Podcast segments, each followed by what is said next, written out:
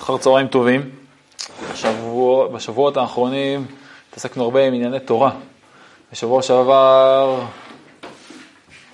מיצי, לא מיצינו, אבל סיימנו קצת את העיסוק הישיר בענייני תורה דרך התוכנית לימודים של, של מרכז. הבירור עצמו בנוגע למה זה משמעות תורה, לימוד תורה, נגענו בו בצורה כזו או אחרת, הנושא, כמו שכבר אמרתי, כמובן הוא מאוד מאוד מקיף ומאוד מאוד רחב, זה, אה, אבל מקווה שהצלחנו להציג אה, תמונה טובה. אה, בשיעור שלנו היום אני רוצה שאנחנו נעסוק בנושא שהוא עומד כבר כשלעצמו, אמנם הוא יכול להיות והוא יהיה קשור להרבה מהדברים שדיברנו עליהם בשבועות האחרונים, ובכל זאת הוא עדיין נושא שקיים מצד עצמו וחשוב חשוב מצד עצמו, ולכן גם אפשר לראות את שבוע שעבר בתור אה, סגירה, מי שירצה שיראה את זה בתור, אה, בתור המשך. העולם היהודי, והאמת שלא רק העולם היהודי, העולם בכלל, לאורך אה, כל הדורות, אהב מאוד להתעסק עם השאלה מה תהיה המציאות לעתיד לבוא. חזון אחרית הימים, נכון? זה משהו שהעסיק את העולם, מהרגע שהעולם נולד, העולם שואל מה יהיה בסוף. אז גם בעולם היהודי זה כמובן משהו שהיה ועדיין נוכח ו, אה, ומוכר מאוד. אני חושב שגם בעולם בכלל, על אה, פני אה, תרבויות שונות וסוגים שונים, התעסקו הרבה עם, ה, עם השאלה הזאת.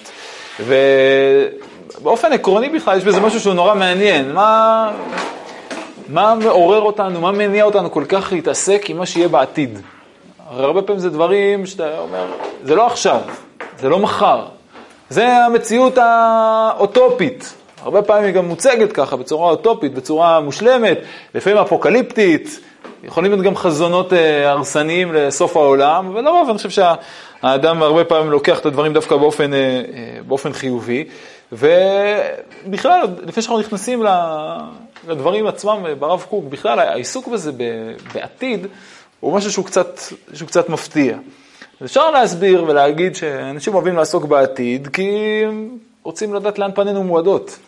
בסוף, לאן הסיפור הזה שנקרא העולם, שנקרא החיים, לאן הוא מתגלגל? לאן הוא רוצה למשוך אותנו? אה, אבל אני חושב שזה לא רק איזשהו סיפור של עתידנות שמסקרן או מעניין או אה, משהו בסגנון הזה, שרוצים לדעת מה יהיה בסוף. אלא יש משהו מאוד משמעותי וקריטי לאדם, להבין לאן העולם רוצה להגיע, או לאן העולם מתעתד להגיע. כי כשאני שואל את שאלת היעד, את שאלת התכלית, אני באיזשהו מקום גם חושף משהו על ההווה. חושף משהו על היומיום שלי. גם אם היומיום שלי הוא לא כזה, ועוד פעם, החזונות האוטופיים, הם מציירים איזושהי מציאות מאוד מאוד מושלמת הרבה פעמים, מאוד מאוד טהורה, מאוד מאוד עליונה, אבל עדיין הם אומרים לי, בוא תבין מה נמצא בתשתית של העולם, בעומק שלו, כבר עכשיו. מה סיפור העומק, או מה נקודת הבירור העמוקה שנמצאת פה כל יום ויום. אז אתה עדיין לא שם, אבל אתה נושא פנים אליה, אתה שואף אליה, אתה מבקש אותה, אתה מנסה להשיג אותה, אתה מתפלל אליה, כל אחד ואחד אה, בסגנונות שלו. ו... איך שהוא בוחר להציג את, ה, אה, להציג את הדברים. אז נכון, אתה לא מממש אותה עכשיו, אבל היא בעצם כל הזמן נוכחת כאן. היא כל הזמן נמצאת כאן, מתחת לפני השטח, ומספרת את סיפור העומק של, ה, של החיים שלנו. ולכן, הרבה פעמים גם זו אולי ההתעסקות מאיפה העולם צמח, כלומר בסיפור של התהוות העולם. אני חושב שהרבה יותר מזה, זה באמת הסיפור של אחרית הימים, של החזון העתידי שעומד לנגד עיניהם של בני אדם ורוצה לספר להם את הסיפור העמוק של המציאות שלהם כמו, ש, כמו, שהם, פוגשים אותה, כמו שהם פוגשים אותה עכשיו. אה, זה, אה, זה בכלל אולי, כדי להבין, אולי בתור איזשהו ספתח סביב העניין הזה, וכשאנחנו נכנסים עכשיו לענייננו בהקשר של, של הרב קוק, אנחנו ננסה היום לדבר על היבט אחד במה שקשור למציאות אה, למציאות העתידית, דבר שבאמת יחשוף בפנינו אולי איזשהן אמירות עומק שיהיו רלוונטיות גם לעולם שלנו היום, גם לדברים שאנחנו עושים אה, בחיים שלנו. והמציאות העתידית, כידוע בטח בשפה של העולם היהודי, זה המציאות שאפשר לכנות אותה בשתי שמות, ולא ניכנס עכשיו לשאלה מה היחס בין שתי השמות האלה, כלומר זו שאלה את מי אתה שואל, אבל כמובן אפשר לדבר על המציאות המשיחית מצד אחד, ועל המציאות של עולם הבא. עולם הבא יכול להיות עולם עליון שמגיעים אליו אחרי המוות, אז משקף איזשהו שלב אולי סופי בהתרחשות האנושית של כל אדם ואדם בפני עצמו, ויש הרבה מקורות שידברו בכלל על עולם הבא כשלב נוסף ה... ברצף ההיסטורי העתידי ש... אה, שקיים לפנינו. אה, והנושא הזה, עוד פעם, הוא נושא רחב. הסיפור של משיח, של ימות המשיח, ברב קוק, אפשר לדבר עליו המון, ואני לא רוצה שאני אדבר עליו בצורה, אה, בצורה הכוללנית שלו, אלא אנחנו ניקח נושא אחד, ספציפי, אני חושב שהוא נושא משמעותי ומאוד מעניין באופן שבו הרב קוק בוחר אה, להציג אותו, וזה השאלה, האם לעתיד לבוא מצוות בטלות או לא בטלות. ומה בעצם השאלה שעומדת בפנינו כאן? מצד אחד, אנחנו יודעים, ועוד זאת שאלה שכמובן העסיקה, לא רק את הרב קוק, העסיקה עוד הרבה, עוד הרבה לפניו, אבל מה בעצם עומד כאן בבסיס השאלה? מצד אחד, אנחנו מכירים את האמירות הברורות על זה שהתורה שניתנה למשה בסיני היא תורת נצח. זאת התורה לא תהיה מוחלפת. נכון? אין אפשרות לערער על, ה, על התורה. ומה שקיים, מה שניתן בסיני, גם אם דרך תורה שבעל פה עובר אה, תמורות כאלה ואחרות, עדיין בבסיס יש את, ה, יש את המצוות, אה, ונביא לו רשאי לחדש וכולי וכולי. ומהצד השני, אנחנו פוגשים גם, אה, כבר אצל חז"ל, למשל במסכת נידה, שם מופיעה האמירה המפורסמת, על זה שמצוות בטלות לעתיד לבוא. עכשיו יש כאן איזשהו מתח. מצד אחד תורת נצח, מצד שני אתה אומר לי כן מצוות בטלות לעתיד לבוא. נוסיף את זה לזה שיש אה, קולות, דעות, שיטות, תורות בעולם היהודי שמדברים על אה, תורת משיח. אני אזכיר את זה קצת בהמשך. שתורה שבעולם הזה, הבל היא בפני תורתו של משיח. תורה חדשה מאיתי תצא. יש התחדשות של התורה, תורה חדשה ש... עוד אמורה להינתן. אז זה עוד פעם מעביר אותנו בכלל לנושא מאוד מאוד רחב, שנקרא, אפשר לבחון אותו, והרב קוק עוסק בו בהרחבה, של תורת משה ותורת משיח והיחס ביניהם. אנחנו לא נעסוק בכל הנושא הזה עכשיו, הוא נושא ליותר משיעור אחד וגם יותר משניים, וננסה רגע לבחון באופן ממוקד את השאלה הספציפית. מה טומן בחובו העתיד בהקשר של קיום מצוות? האם מצוות בטלות לעתיד לבוא, או שמצוות לא בטלות לעתיד לבוא. ובא, אה, והשאלה הזאת, אני חושב, מבין הרבה מהשאלות של ימות המשיח, היא בהחלט שאלה מאוד מאוד משמעותית, כי סוף כל סוף, אה, מצוות זה תשתית הקיום שלנו. הבסיס של ההתנהלות היהודית חי, צומח מזה שיש אה, קיום מצוות. ואם אתה פתאום אומר מצוות בטלות לעתיד לבוא, אמרת משהו מאוד מאוד משמעותי שיקרה. ולכן צריך להבין מה בדיוק הסיפור של, ה, של הדבר הזה. אז כמו שאמרתי, הרב קוק עוסק בשאלה הזאת בכמה וכמה מקומות. אה, לא את כל המקומות אנחנו גם נספיק לראות היום. אה, לא נספיק לראות בכלל, לא נקדיש לזה יותר משיעור אחד, אני חושב. אה, ננסה לראות עכשיו חלק מהמקורות, ואני רוצה להתחיל עם איגרת שהרב קוק כותב לשמואל אלכסנדרוב, פגשנו אותו כבר, הוא אחד המכותבים המרכזיים של הרב קוק באיגרות, בטח באיגרות עומק, וכל איגרת שמואל אלכסנדרוב היא חתיכת איגרת, היא לרוב האיגרות הארוכות מאוד, הרב קוק כותב אליו, אליו, משה זיידל, עוד פעם, שמות שכבר אה, דיברנו עליהם והם אה, אמורים להיות מוכרים לכם. והרב קוק התייחס פה בכלל, עוד התמודד עם השאלה הזאת של, אה, של אופציה של מצוות בטלות לעתיד לבוא. בהמשך אנחנו נראה מה בדיוק המשמעות של הדבר הזה לשיטתו של, של הרב קוק. אז בואו נתחיל ונראה את הדברים, איגרת קמ. עוד פעם, זה חלק מהאיגרת, אה, רק הקטע שעוסק בנושא שרלוונטי אלינו. אומר הרב קוק ככה, פונה לשמואל אלכסנדרו ואומר לו, כבודו מרים על נס את ביטול המצוות של העתיד לבוא.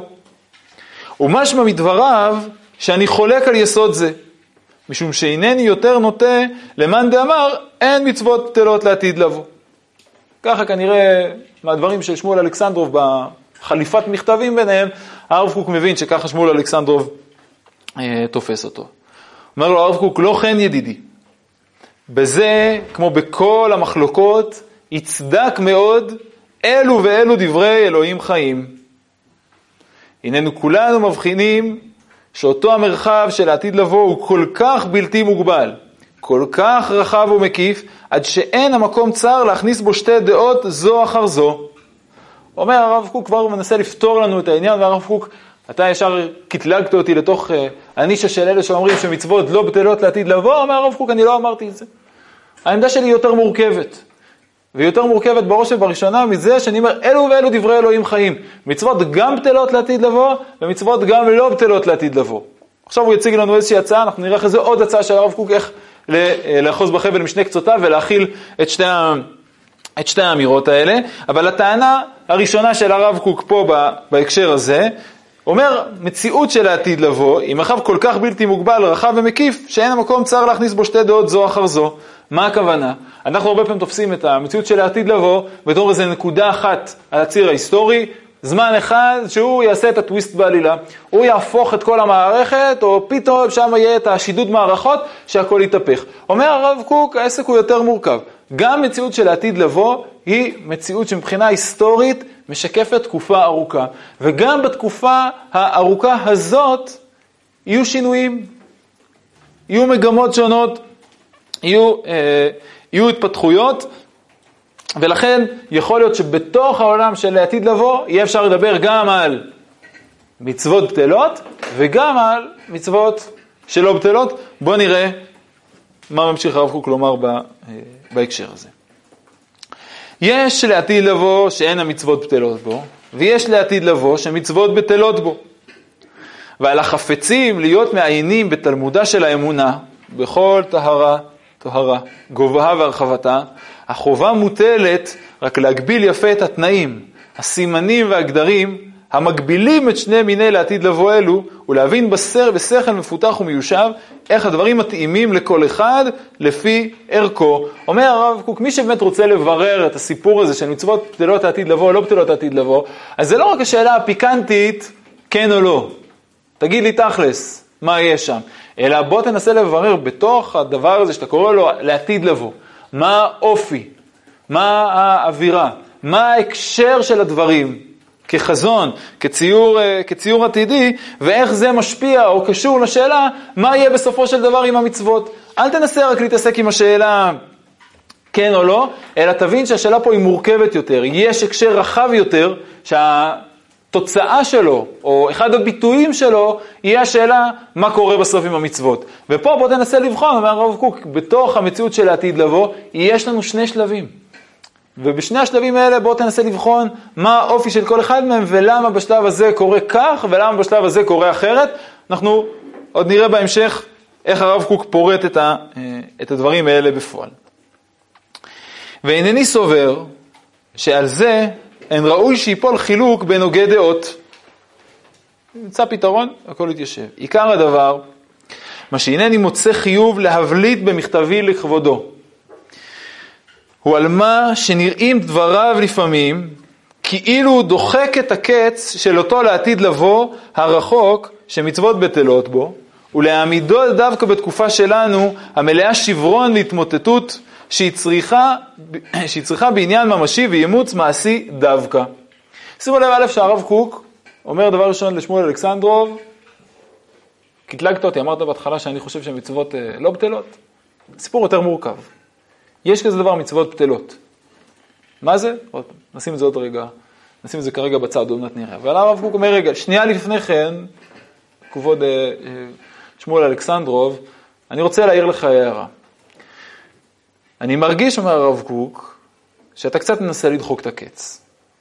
החזון הזה, המציאות שבה מצוות בטלות לעתיד לבוא, ושוב עוד לא הסברנו מה זה בדיוק, אומר הרב קוק, היא לא רלוונטית עדיין למצב שבו אנחנו נמצאים. וטוען הרב קוק כלפי שלמה אלכסנדרוב, אתה מנסה לומר בוא נעשה את זה כבר עכשיו. ולמה מבחינת הרב קוק אה, זה לא רלוונטי כבר, זה לא רלוונטי עדיין, סליחה. כי איך הרב קוק מאפיין את התקופה שלו? מה הוא אומר עליה? שהיא תקופה של מה? מלאה שברון והתמוטטות. הרב קוק נמצא בתקופה שעוד פעם, מה שהוא רואה לנגד עיניו, וראינו את הדבר הזה לא מעט כבר בכל מיני הקשרים, היא המציאות, בטח בעולם היהודי, זה בוודאי מאוד מאוד אה, בולט, היא מציאות של פירוק, של התפרקות, של קריסה של המסגרות, של, של קריסה של המערכות, ובכלל יש תמורות גדולות ומהפכות גדולות, והעולם סוער, ו... אה, מתחוללים בו באמת שינויים, עוד פעם, המהפכה של 1905, מהפכה בולשביקית ברוסיה, כלומר, ועוד דברים שקורים בעולם. אומר הרב קוק, אי אפשר להתעלם מה, מהדבר הזה, והרעיון הזה של עכשיו לבוא ולהגיד, בוא נקעקע גם את הרעיון של המצוות, זה להוסיף שמן למדורה. העולם היום צריך דווקא משהו יציב, צריך משהו ברור. אם תקעקע את הדבר הזה, זה רק יגרום נזק. דרך אגב, כאן אפשר גם אולי, אה, הרב קוק לא אומר את זה לגמרי במפורש, אבל זה נראה שהוא גם מבקר את, אה, את אה, שמואל אלכסנדרוב על מה המניע שלו בכלל לבוא ולומר מצוות בטלות לעתיד לבוא. כי במידה מסוימת הוא אומר לו, כנראה שאתה רואה את זה כחלק מהסיפור של פירוק המסגרות שקיים בעולם, וזה לא העניין. זה לא שמתוך איזושהי מטרה עכשיו של עולם ישן עד היסוד נחריבה, יש מקום גם לפרק את, ה, לפרק את המסגרות, לקעקע את הדבר הזה שנקרא אה, המסגרת המעשית של התורה, של קיום מצוות. יש לדבר הזה מקום, אבל דווקא בעולם שההתרחשויות בו הן התרחשויות שאין בהן יציבות, אתה לא יכול להכניס עוד, אה, אה, עוד משתנה למערכת שרק יהפוך את, ה, את הדברים האלה להרבה יותר אה, קשים ולהרבה יותר מבולגנים. כשיש מציאות, או לעתיד לבוא, כשתהיה מציאות שבה יהיה נבוא אל המנוחה ואל הנחלה, יהיה איזשהו השקט ובטח, אז המציאות של, אה, מצוות, של אה, מצוות לעתיד לבוא כנראה יהיו רלוונטיות יותר. שוב, איך בדיוק, כמה ולמה, עוד מעט נעבור ונראה בדברים של הרב קוק. אבל זה כהערה ראשונה לשמואל אלכסנדרוב, והוא אומר, תיזהר לא לדחוק את הקץ, לא להקדים מדי את מה שצריך עוד זמן כדי להגיע אליו. ופה אני חושב, אנחנו יכולים להיחשף לעוד נקודה מאוד משמעותית. אה, שהיא חורגת קצת מההקשר של הנושא הספציפי שלנו, אבל היא חשובה מאוד ביחס לרב קוק. אני חושב שבהחלט אפשר לומר שהרב קוק הוא אחד הדוברים המובהקים של הרעיון של התעלות העולם, של התפתחות העולם. כבר הזכרנו את זה בהקשרים כאלה ואחרים, עד כמה הרב קוק ראה בשורה וברכה ברעיון של האבולוציה, שמשקף באמת איך העולם נמצא במגמה, איך העולם יודע להתקדם, וכל דור ודור יש משהו שמתווסף ונבנה כ- כקומה נוספת. אבל ביחד עם זה, הרב קוק ידע לא להסתנוור ולא אה, להתיימר לומר שהמציאות כמו שהיא עכשיו, היא המציאות האוטופית. או שהמציאות עכשיו היא טובה בכל קנה מידה. הכל בה מתוקן. הרבה פעמים אנשים רגילים ככה לראות את הדבר הזה. הרעיון של קדמה, הוא קצת אה, טוען את הטענה הזאת. כי כשאתה אומר קדמה, מה אתה בעצם טוען? שבבסיס, איפה שאתה נמצא עכשיו, זה בטוח מה? מה זה? בטוח קדמה, מצד אחד זה נכון שזה גם נותן לי אופק קדימה, אבל בבסיס זה אומר, יש את הבורים, את הפרימיטיביים, נכון? הם אלה שנחשבים, נכשלים, הם פחות טובים. והרב קוק כמה דברים ידע לומר בהקשר הזה. א', הוא ידע לומר, בוא עדיין, נשים, כן, המציאות מתקדמת, אבל בוא באמת נשים על השולחן גם את החסרונות. המציאות לא מבוררת עד הסוף. אל תחשוב שהגעת למנוחה ולנחלה. לא הגעת עדיין למציאות האידיאלית שבה העסק הוא אה, מנוי וגמור, וביחד עם זה הרב קוק ידע לומר עוד משהו. כל התקדמות טומנת בחובה גם מחיר. אם יש תחום מסוים שהתקדמת בו, דע לך שזה בא על חשבון דברים אחרים. אם העולם יודע, העולם המערבי בטח, ידע לייצר אה, תמורות משמעותיות מאוד והתקדמות ניכרת, נגיד, למשל במישורים, במישורים המדעיים או במישורים הטכנולוגיים, בוודאי שזה בא על חשבון דברים אחרים, כמו הזיקה של האדם לטבע, כמו אה, זיקה לרגשות, הרבה דברים אפשר לומר בהקשר הזה, כלומר התהליך הוא תהליך מורכב. לכל מגמת התקדמות, דע לך שיש מחיר ברובד אחר או בהיבט אחר שקיים בך, שהוא... אה, שהוא ניזוק בעניין הזה, ולכן העובדה שהעולם מתקדם ושאתה מברך על, ה, על התעלות העולם, לא בא לומר שהכל בסדר, שהכל מבורר ושהכל מבורך ושהמציאות עכשיו היא, היא נהדרת. תהיה רגיש לדבר הזה, וזה משהו שאצל הרב קוק נמצא באופן, אה, אה, באופן מאוד שיטתי בהרבה מאוד מקומות, ולכן הוא גם בא עכשיו לאלכסנדרו ואומר לו, רגע, רצת קדימה מהר מדי. המציאות שלנו עוד לא מותאמת לחזון העתידי, שהוא חזון כנראה מאוד גבוה, מאוד עמוק, מאוד משמעותי, של לבוא ולהגיד מצוות, מצוות בטלות לעתיד לבוא, אנחנו עדיין לא שמה. על זה אומר הרב קוק אני חולק, וראוי לדעתי שכל ישר לב יסור מסברה זו, שדוגמתה ראינו כבר בתקופות שונות. להחליט שכבר עלה העולם במוסרו, עד שאיננו צריך עוד לשום צירוף, לשום הדרכה של אמונה ושל חיוב של מסורת והסכמה, מאיזה צד שיהיה, בין במקורות עליונים, נבואיים ורוחניים, בין במקורות לאומיים, חברותיים, מעשיים, בשעה שאין לנו על זה שום אות ומופת, והננו רואים ממש ההפך. זאת היא פשוט טעות בחשבון של תקופות רבות. ממשיך הרב קוק ואומר כאן, אה, אה, הדבר הזה קשור, וגם פה זה פותח פתח אולי לנושא רחב יותר, אה, שקיים ברב קוק, שגם עליו לא נתעכב יותר מדי עכשיו, אבל זה קשור לתביעה המוסרית. מה זה מוסר? וזה כאמירה באמת רחבה ביחס למוסר. מוסר הוא האופן שבו אומרים לאדם שמן הראוי שהוא ינהג. כלומר, זו מערכת שבאה להכווין את האדם איך הוא צריך להתנהל בחייו. עכשיו, ברגע שיש איזושהי מערכת, או איזשהם עקרונות, שמכתיבים לאדם מה האופן הראוי, יש במוסר משהו שהוא קצת מגביל, חסר, נכון? כובל את האדם, לא מאפשר לו חופש מוחלט. וכנראה שבצדק. בטח הדבר הזה ברור ביחס uh, לתקופות uh, קדומות, שאדם היה פראי יותר, והמוסר בא בשלב ראשון לייצב אותו, לחנך אותו. וקצת אולי אה, ניוון אותו מבחינת מסוימות, קצת הרגיע אותו, קצת ריסן אותו, אבל אה, במקום שהוא יהיה פרא, אלים ודורסני, הוא לאט לאט למד, האדם, להתעדן קצת יותר ויותר, אלא שהרבה פעמים מה שקורה זה שעוד פעם, זה יודעים להגיד על העבר. פעם זה היה נכון, זה היה רלוונטי, אבל היום אנחנו במצב מתוקן. היום כבר לא צריך מוסר, היום אנחנו מבוררים עד הסוף, ואפשר לתת לרצונות שלנו דרור ולהתנהל רק ממקום של חופש. ושוב אומר הרב קוק, בוא נהיה טיפה יותר זהירים. גם האדם היום, גם אם הוא באמת יותר מבורר, והמוסר עידן אותו וחינך אותו, עדיין לבוא ולהגיד, זהו, סיימנו את הבירורים, אנחנו במקום נקי, שוחרר לגמרי, אנחנו עוד לא שם, ולפתח חטאת רובץ במובן הזה שאם, יכול להיות שאם טיפה תתיר יותר מדי את הרצועה, תקעקע את המוסר, יצא מהאדם החלקים הפראיים והקמאיים שנמצאים בו. הרב קוק לא, זכה לא לראות את השואה, אבל היא ראייה טובה לדבר הזה. איך באמת יש באדם עוד צדדים שב... אם אתה בונה להם את הקונסטלציה הנכונה, הם מוציאים ממך את, ה... את החלקים החייתיים והחלקים הפראיים שקיימים בך. ולכן אומר הרב קוק, צריך מהדבר הזה מאוד להיזהר. במקומות אחרים אפשר לראות גם איך הרב קוק אומר את הדברים האלה, ממש בתגובה לניטשה. ניטשה שהמוסר מבחינתו היה הגוואלד הגדול, נכון? הדבר שאותו צריך למחוק ולתת לאדם חזרה את החופש לפעול מתוך אה, נקודת הרצון. נקודת הרצון אצל הרב קוק היא משמעותית מאוד, ומצד שני הוא יודע להעריך גם את המקום של המוסר, והוא אומר צריך מאוד להיזהר מ- מלהוריד את הרסן הזה. האדם עדיין לא נקי ומתוקן, אה, אה, ומתוקן לגמרי. ולכן, עוד פעם, כהמשך לדברים האלה, הוא אומר לאלכסנדרוב, גם אם השאלה עצמה של מצוות בטלות לעתיד לבוא היא נכונה, ויש משהו אמיתי בדבר הזה של מצוות בטלות לעתיד לבוא, תשאל את עצמך האם מבחינה מעשית ויישומית בחיים שלנו, בעולם שלנו, במציאות שלנו היום, זה אה, ריאלי, זה נכון, זה ישים.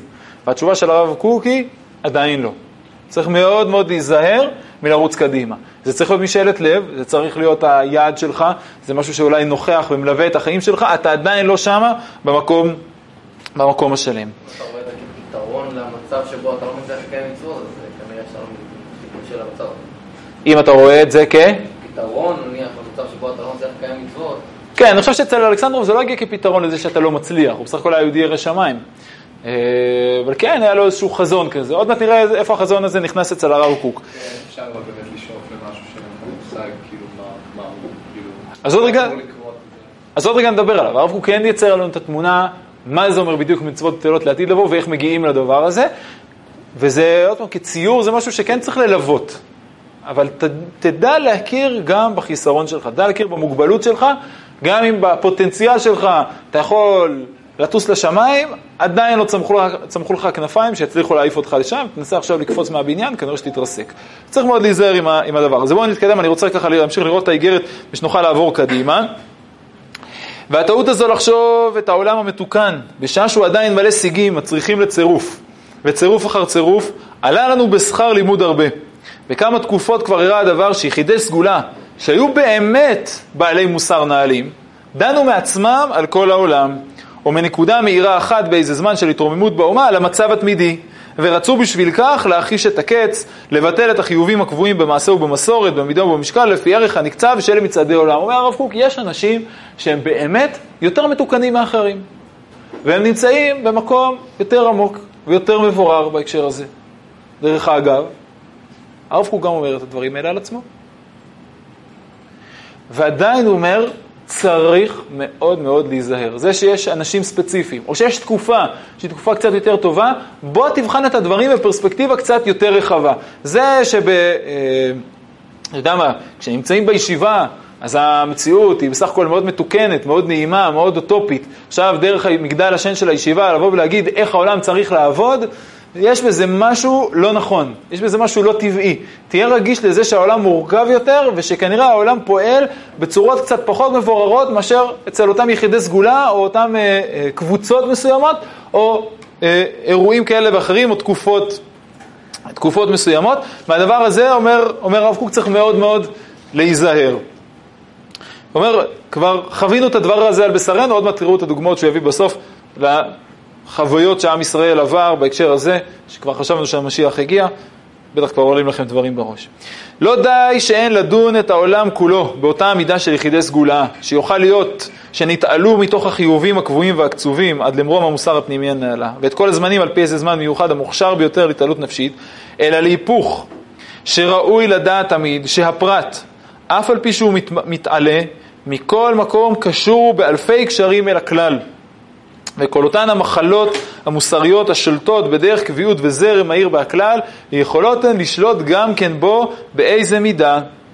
והזמן המאושר גם בעודו בחוסנו עלול להיות למפגע מכל זרם חיים של מהלך הזמנים הקבועים לפניו ולאחריו. אומר הרב קוק, גם האדם המוכשר צריך לדעת שהוא נטוע בהקשר. וגם אם האדם עכשיו הצדיק או התלמיד חוכם, או לא משנה מי זה, הוא באמת יותר מבורר מהסביבה שלו, אבל אם האקלים שלו הוא אקלים לא טוב, אם ההקשר הוא הקשר רע, יש סיכוי לא מבוטל שהדבר הזה יהדהד גם אליו.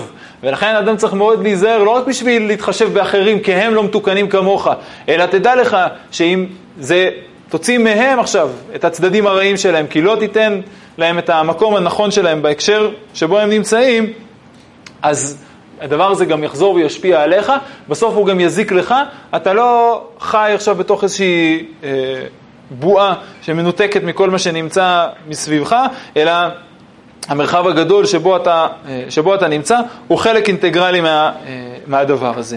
דילגנו פה על עוד נקודה שאני חושב שהיא חשובה, שקופצת עכשיו, שהוא דיבר על זה, דיבר קודם על זה שהעולם הרבה פעמים, אה, דילגנו פה אפילו על משפט, אבל הוא אומר, אבל תמיד, אני חוזר טיפה אחורה, אבל תמיד נתגלתה הטעות על ידי מכרובים רבים. והעולם שב לסובב את מעגלו והתולדה המעשית והרוחנית שבה למהלכה רגיל, לקבץ על יד חסן ועיקר על ידי שמירת מנהגים ומסורת, אמונה ומצוות, לעלות דווקא על ידי מהלך איטי זה אל נקודת פיתוח יותר גבוהה. אומר הרב קוק עוד פעם, הניסיון לימד אותנו שכשניסו לקפוץ מהר קדימה, העסק לא הניב תוצאות טובות. ולכן מגמות עומק ותהליכים משמעותיים צריכים להתרחש ולהתהוות באופן איטי. אם תרצו, אומר הרב קוק, הדרך הנכונה לחולל תמורות ושינויים בעולם זה לא רבולוציה, אלא אבולוציה.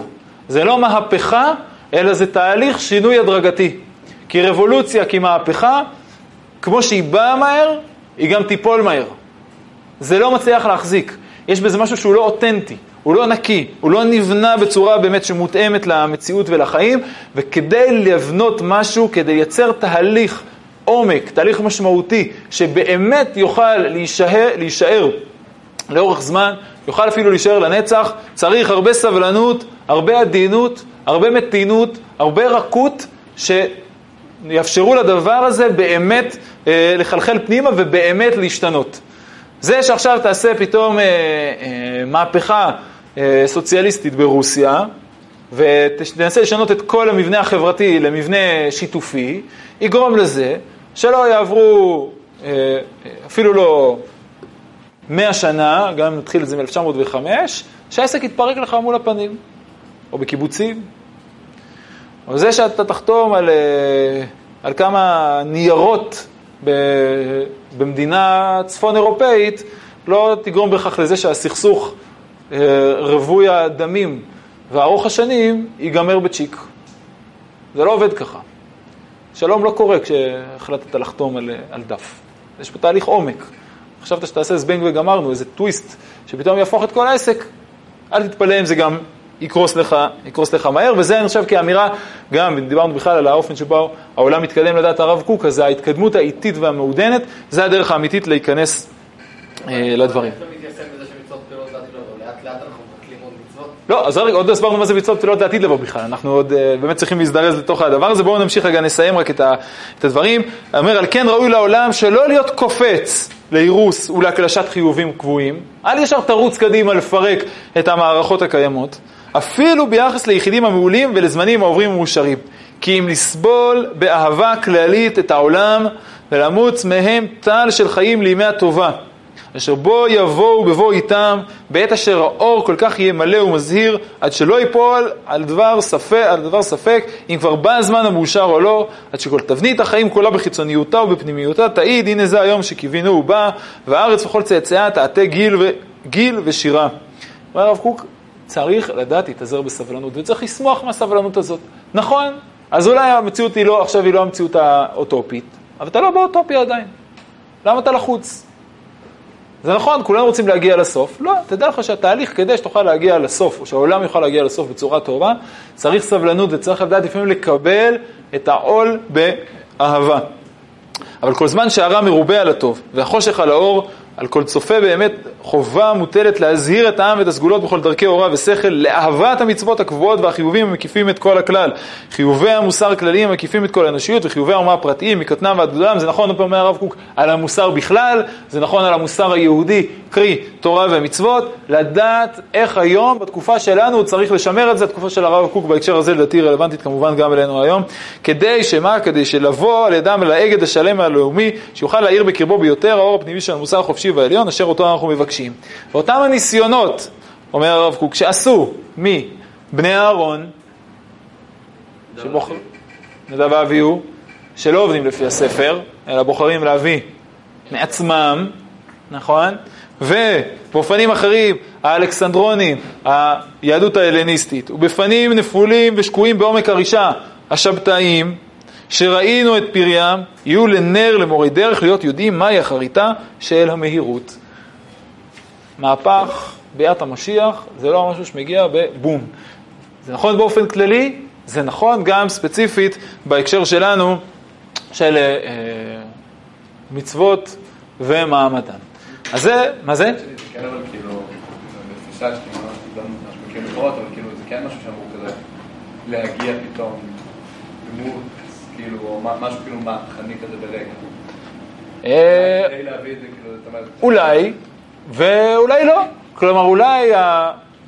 יש פה איזושהי מציאות שדווקא תתהווה, ולאט לאט תתרקם יותר ויותר. בואו נמשיך רגע, נראה באמת את הדברים, בסדר? כי זה, אה, כי זה עונה. נכון שאנחנו כולנו רגילים לזה שיהיה משיח על חמור, לבן, יגיע עם השופר, יתקע, כל העסק אה, יתהפך. מה זה? יגיע בשבת, כן, יש הרבה, הרבה שאלות טובות סביב, סביב הדבר הזה, ובטח אצל הרב קוק אני ממש לא בטוח שזה ככה. מה זה? יכול להיות, יכול להיות, יכול להיות שזה גם יגיע לשיא, ויכול להיות שכל המציאות היא, גם המציאות של העתיד לבוא היא משהו הרבה יותר אותנטי, הרבה יותר טבעי להתהוות האנושית, מאשר האירוע המכונן הזה, כן? כמו השאלה אם בית המקדש ירד מהשמיים או לא. אז... זה בעצם כאילו, אפשר להגיד כאילו שהוא אומר פה שבתאים, כאילו זה היחס שלו יהיה גם לרפורמים באיזשהו מקום? אה, במידה מסוימת, כן. כן. אז עד עכשיו דיברנו על השאלה העקרונית, איך מתייחסים לעתיד לבוא. בואו ננסה להיכנס קצת יותר לעומק, מה זה בדיוק הסיפור הזה של אה, מצוות בטלות לעתיד לבוא, ותעברו לצד השני של הדף, תראו כמה מקורות אה, שהבאתי כאן. כלומר, אני רואה שלא נספיק את כולם היום, לפחות שתיים הראשונות חשובות לנו מאוד, ותראו, פסקה מקובץ ג', הרב קוק מתחיל להציג לנו את התמונה של המציאות העתידית. ותראו מה הרב קוק אומר.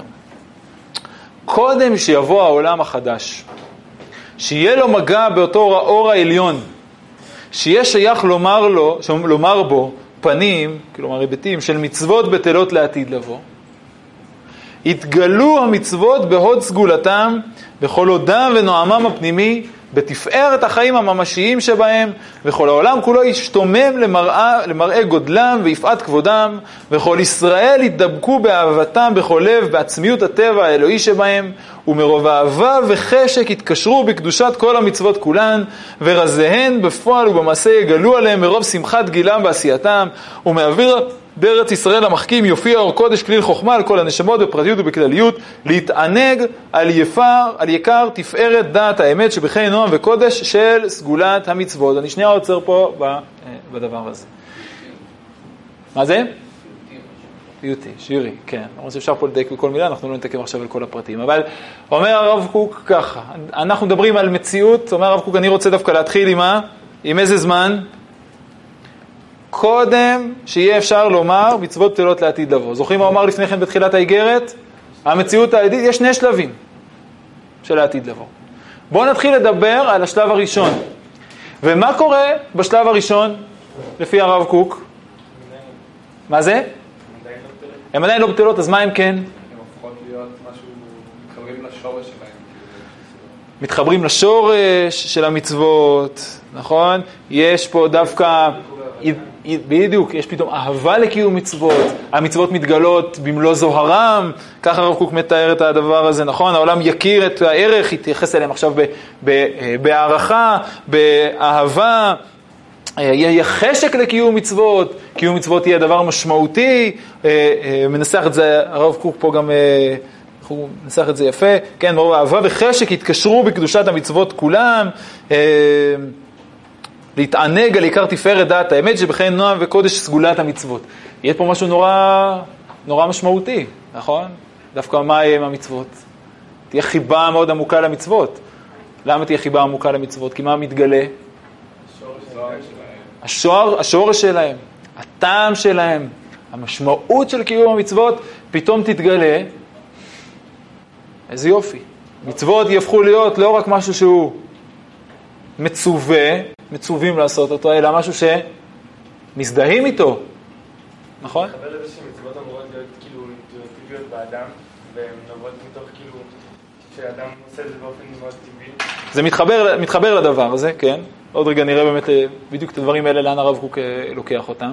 אבל זה קודם שאנחנו, השלב הקודם, לשלב של, אה, שאפשר לומר עליו, אולי מצוות בטלות לעתיד לבוא, אומר הרב קוק, יהיה זמן שפתאום כל החן, כל המשמעות, כל המהות הפנימית של המצוות בכלל ושל כל מצווה ומצווה, פתאום הם יתגלו.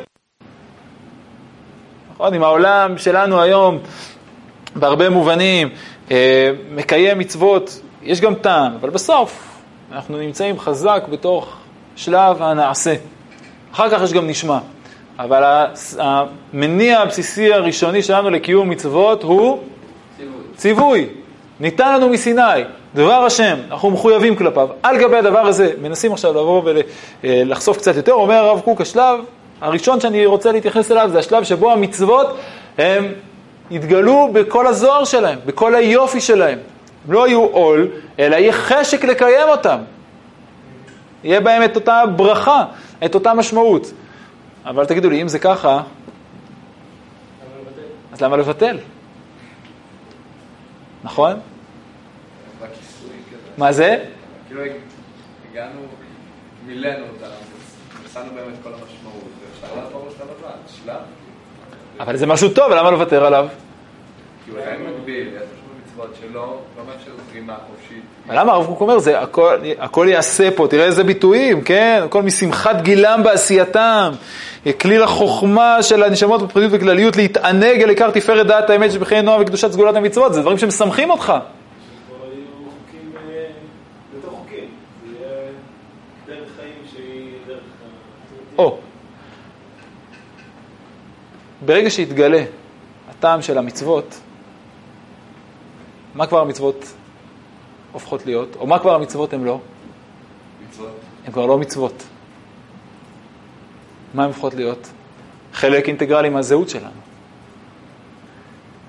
מצוות בטלות לעתיד לבוא, עוד רגע נראה את הדברים האלה בתוך, אה, בתוך הדברים של הרב קוק, המשמעות היא לא שכבר לא עושים אותם, אלא מה המשמעות? שזה כבר לא מצווה. שזה לא מגיע ממקום של ציווי, זה לא מגיע מאיזשהו מקום הטרונומי, מקום חיצוני לי, שאני עכשיו מכפיף את עצמי, את עצמי אליו, אלא הדברים האלה, דווקא בגלל שהמצוות יופנמו כל כך על ליבותיהם של עם ישראל ואולי של העולם כולו, אז הם יעשו מתוך אותה נקודה פנימית, מתוך ההזדהות, והתורה לא תהיה משהו שיורד לאדם מבחוץ, ואדם באמת אה, נאמן לה מתוך זה שהיא דבר השם, אלא היא תהיה חקוקה על הלב, תורה שהאדם חי אותה. וחי אותה במציאות, ה, במציאות השלמה שלה. וכשקורה הדבר הזה, שנייה אחת, קורה הדבר הזה, אז מה יש לי פה בעצם? מצוות בטלות. המצוות בטלות, לא המעשים. בואו נרגע נמשיך ונראה את הדברים של, של הרב קוק בהקשר הזה. ואם הקדושה תמלא בשפעתה בעולם, עד כדי המידה של התעלות קודש המביאה לבט, לבטלותן של מצוות, יהיה זה דווקא אחרי תקופה ארוכה מלאה אהבה וחשק, מלאה אמונה קדושה ודבקות אצילית אלוהית טבעית. ונתתי תורתי בליבם, ועל לוח ליבם, ליבם אכתבנה. ואז, כשהתורה היא תורה שחקוקה עכשיו על הלב, תורה שנמצאת בפנים, ואז כשתוקף הקודש ימלא, וכל חזון יגלה, אין לנו שום הבדל באיזה צורה יהיה המעמד המרומם. עכשיו, אין שום הבדל, אם זה יהיה, אם בצורה שהמעשיות תובעת בו את תפקידה ומניחה מקום לרישומה, כמאן דאמר אין מצוות בטלות לעתיד לבוא. זה לא משנה אם תגדיר את זה עכשיו, שמה יש כאן? שיש מעשים שעושים אותם, כמו מי שיגיד, מצוות לא בטלות לעתיד לבוא, או בצורה שהמעשה כולו, בכל סגולתו, בלו היה בהדר יפעת תשוקת הרגשת הנועם האלוהי העליון בשפעת קודשו, ותמימות חמדתו, וזה כמאן דאמר, מצוות בטלות לעתיד לבוא. מה אומר הרב קוק? אין הבדל. להגיד מצוות בטלות לעתיד לבוא ומצוות לא בטלות לעתיד לבוא, זה היינו הך. כי אתה יכול להגיד מצד אחד, נמשיך איתו לולב, נמשיך לשמור שבת, נמשיך, אה, אה, אה, אני יודע מה,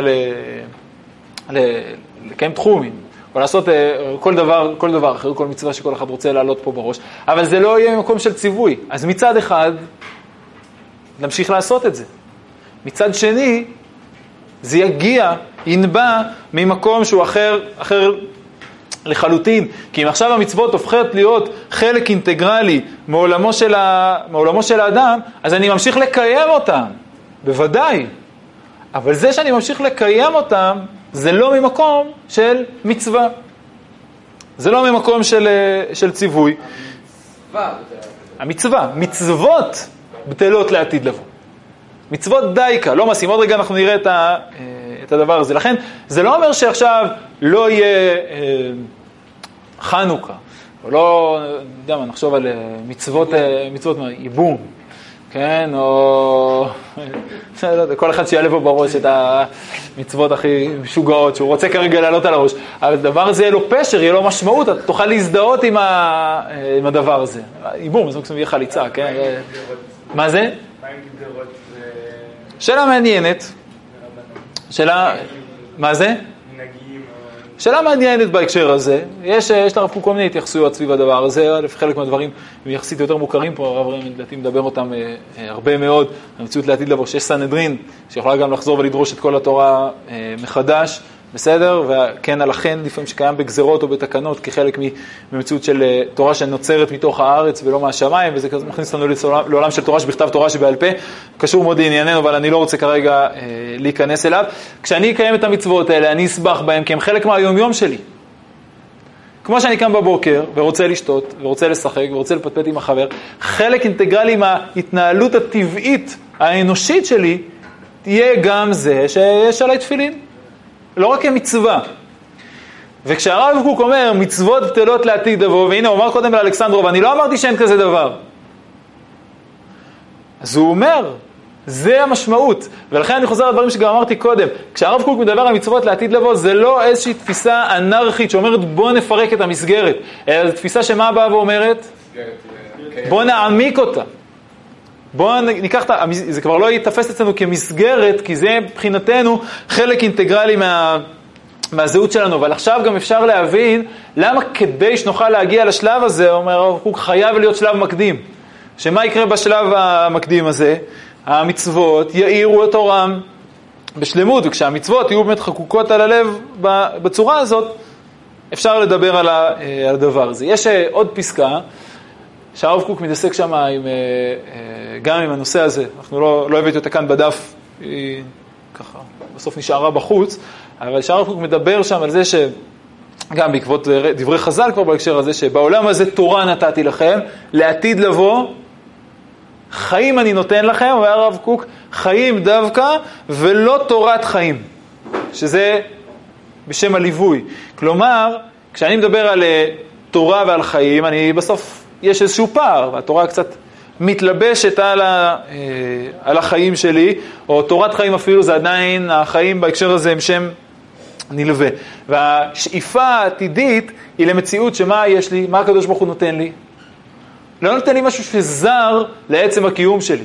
שהתורה נתפסת מבחינתי כחלק אינטגרלי מהזהות שלי, ולכן אם בעולם הזה תורה אני נותן לכם, לעתיד לבוא חיים אני נותן לכם, בלי תורה בכלל, כי תורה היא כבר הוראה, יש בה אלמנט של ציווי. המציאות העתידית היא מציאות שבה אני נותן חיים, ושם עוד פעם הוא גם מחבר את זה לביטוי הידוע, שתורה שבעולם הזה הבל לי בפני תורתו של משיח. תורה משיחית תיבנה בצורה אחרת, אחרת לגמרי, וזה כמובן שינוי משמעותי דרמטי ומאוד מאוד עמוק שיכול להתחולל. כן. איפה המקום אבל של העבירות כאילו בעולם הזה, של משהו שכאילו מחטיא מהמטרה, או שאין כזה דבר? אז א', יכול להיות שהחטא הוא בית במובן של החטאה מהמטרה, ובמובן, ה... ברגע שהדברים כל כך חקוקים בך, אז כמו שאני אגיד לך, אה, אל תשתה סולר, נכון? תגיד לי למה? לא, אתה... זה, יהיה לך ברור שאתה לא רוצה לעשות דבר. עכשיו, זה ודאי מציאות שאנחנו עוד לא חווים אותה היום. נכון?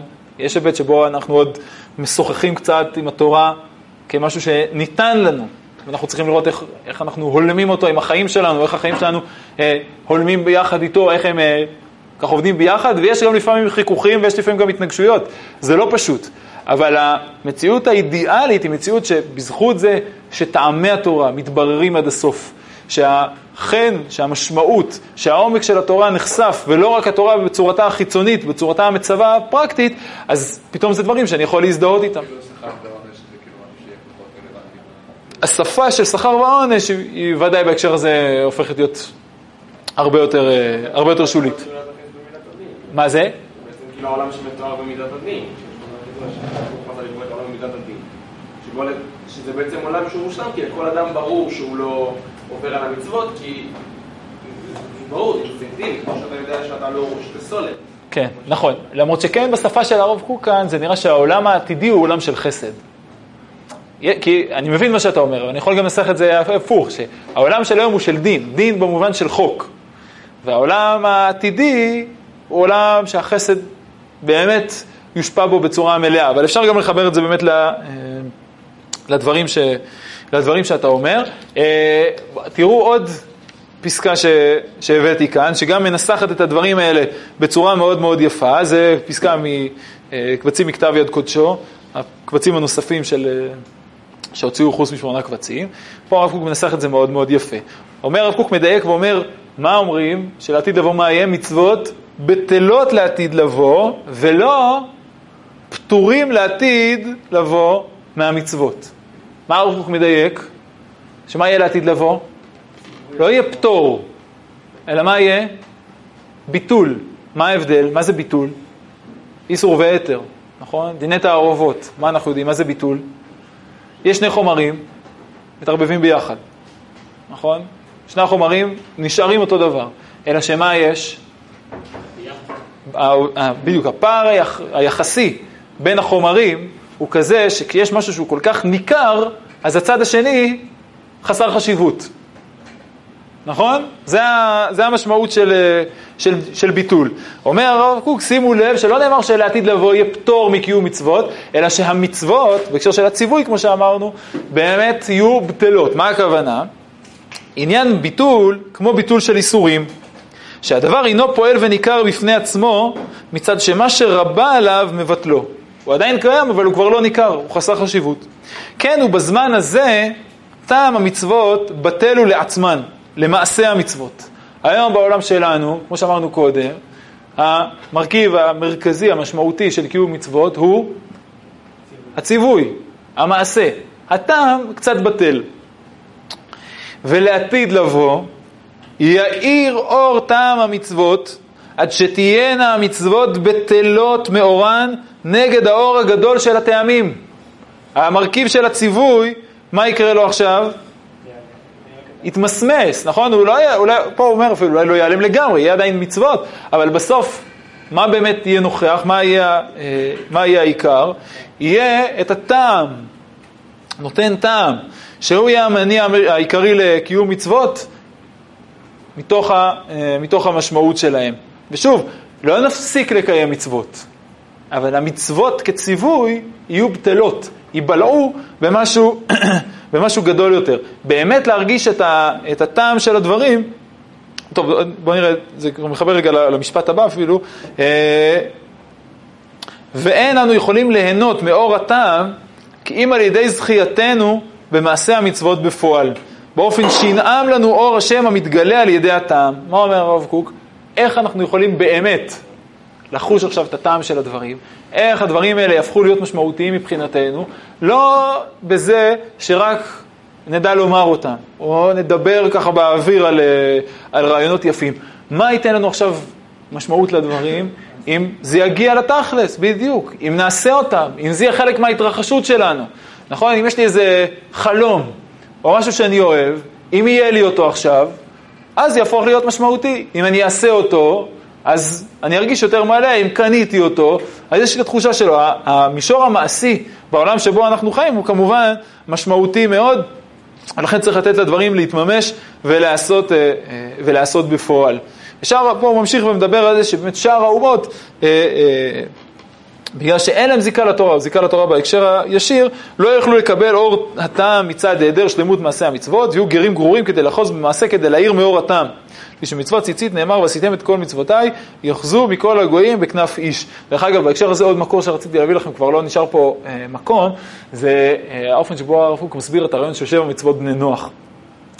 כשהרב קוק מדבר על שבע מצוות בני נוח, יש איגרת שהוא אה, אה,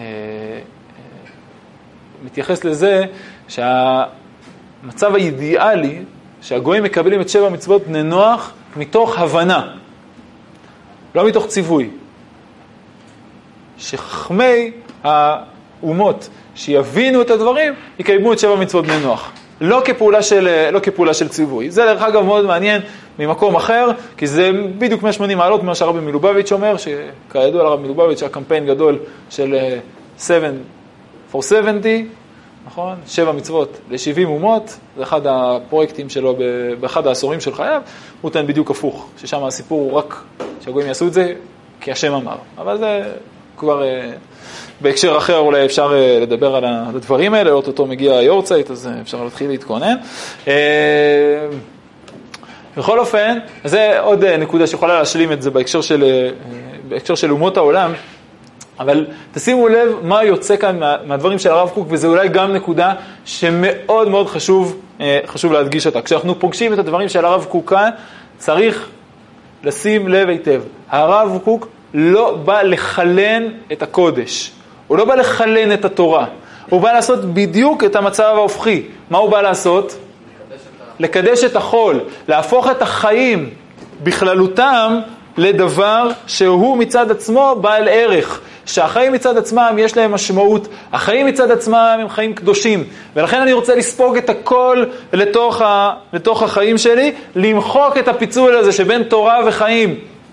כמו, ש, אה, כמו שדיברנו עליו קודם, ולבנות משהו שהוא שלם יותר, משהו שהוא יותר מתוקן. אין פה התעלמות מהקדושה ורצון לייצר לגיטימציה להישאב לתוך העניינים של העולם הזה, אלא בדיוק להפך. בואו ננכיח את הקדושה באופן יותר עמוק, לראות את החיים כמשקפים את הקדושה, להצליח לחיות את מה שמבחינתנו הוא האלוקי, הוא הקדוש, שבא לידי ביטוי גם בהקשר הזה של, ה, אה, של התורה, וזאת המציאות האידיאלית, המציאות שבה התורה באמת חקוקה על הלב. אם תרצו תחברו את זה לדברים שדיברנו עליהם אה, בזמנו, כשראינו קצת, עסקנו קצת במקומו של הפרט אצל הרב קוק, אתם זוכרים שדיברנו על, אה, על הפסקה, ואני בתוך הגולה, האני הפנימי עצמי בתוך הגולה, ובין השאר הרב קוק תיאר שם את המשיח בתור רוח אפנו, נכון? הבירור העצמי שלנו בהקשר הזה, זאת הגאולה, זה, זה, זה ימות המשיח. נכון? לא אמרו איש לאחיו דעו את השם, כולם ידעו אותי למקטנם והגדולם. היכולת של הדברים להזדהות ולצמוח מתוך, ה, אה, מתוך העולם שלנו, וזה באמת החזון האידיאלי, שאצל הרב קוק בכמה וכמה פסקאות, גם אפשר באמת לומר, אה, כבר אולי הוא בעצמו חי אותו, האופן שבו הוא מתאר את, ה, מתאר את הדברים. כמו שראינו באיגרת לאלכסנדרוב, הוא מודע לזה שהוא נתון בהקשר. והסטטוס והמצב שהרב קוק נמצא בו, לא בהכרח יכול לעצב את המציאות של כל שאר, כל שאר העולם, כי העולם כמובן לא נמצא באותה נקודה, אבל מה שכן אפשר להבין, ובמובן הזה זה כן הדברים האלה מתחברים לדברים שדיברנו עליהם במפגשים האחרונים. דבר ראשון, בואו נחזור לנדבך משמעותי מבשורת התורה שהרב קוק רוצה לעורר ולחדש בעולם, וזה הרעיון של חיבור הלכה ואגדה. מה חיבור הלכה ואגדה מבקש? לייצר קשר בין המעשים שלי לבין המשמעות שלהם, בין המעשים שלי לבין הטעם, לבין המהות, לבין הפשר, וכשנצליח עכשיו לפתוח את הפתח הזה של חיבור הלכה והגדה, ככל שנעמיק בו יותר, ככל שנבסס אותו יותר, אנחנו יותר ויותר מתקרבים למציאות שבה התורה מאירה בצד הפנימי שלה, והתורה יכולה להפוך להיות משהו שיותר ויותר אה, מזדהים איתו, וזה כמובן יכול להתחבר גם במובן הרחב יותר לרעיון של תורת ארץ ישראל. כי תורת ארץ ישראל, דיברנו על זה בכמה וכמה הקשרים, מדברת על שיבה חזרה לחיים. יש משהו בגלות ש... משקף את הפיצול שבין העולם היהודי לבין החיים בכללותם, והיכולת להפוך את התורה לחלק מהזהות העמוקה של עם ישראל, יכול להתרחש ולהתרקם דווקא כשאנחנו נמצאים, אה, דווקא כשאנחנו נמצאים בארץ. אז זה הדבר הזה, מי שירצה עוד להשלים, אה, עולה בצורה מאוד מאוד יפה בפסקה שהבאתי לכם מאורות התחייה, מתוך אורות. אפשר כמובן לחבר את הדברים האלה גם ליחסי תורה שבכתב, תורה שבעל פה, אולי נושא שנראה אם נספיק עוד אה, לגעת בו במסגרת של השיעורים שלנו, אבל ודאי שאפשר עכשיו להבין איך עולם התורה שהרב קוק מבקש לרקום, קשור לחזון העתידי שלו, של תורה, של תורה חקוקה על הלב, של חיים אלוהיים, חיים קדושים. שנטועים עמוק בתוך, בתוך האדם. עד כאן.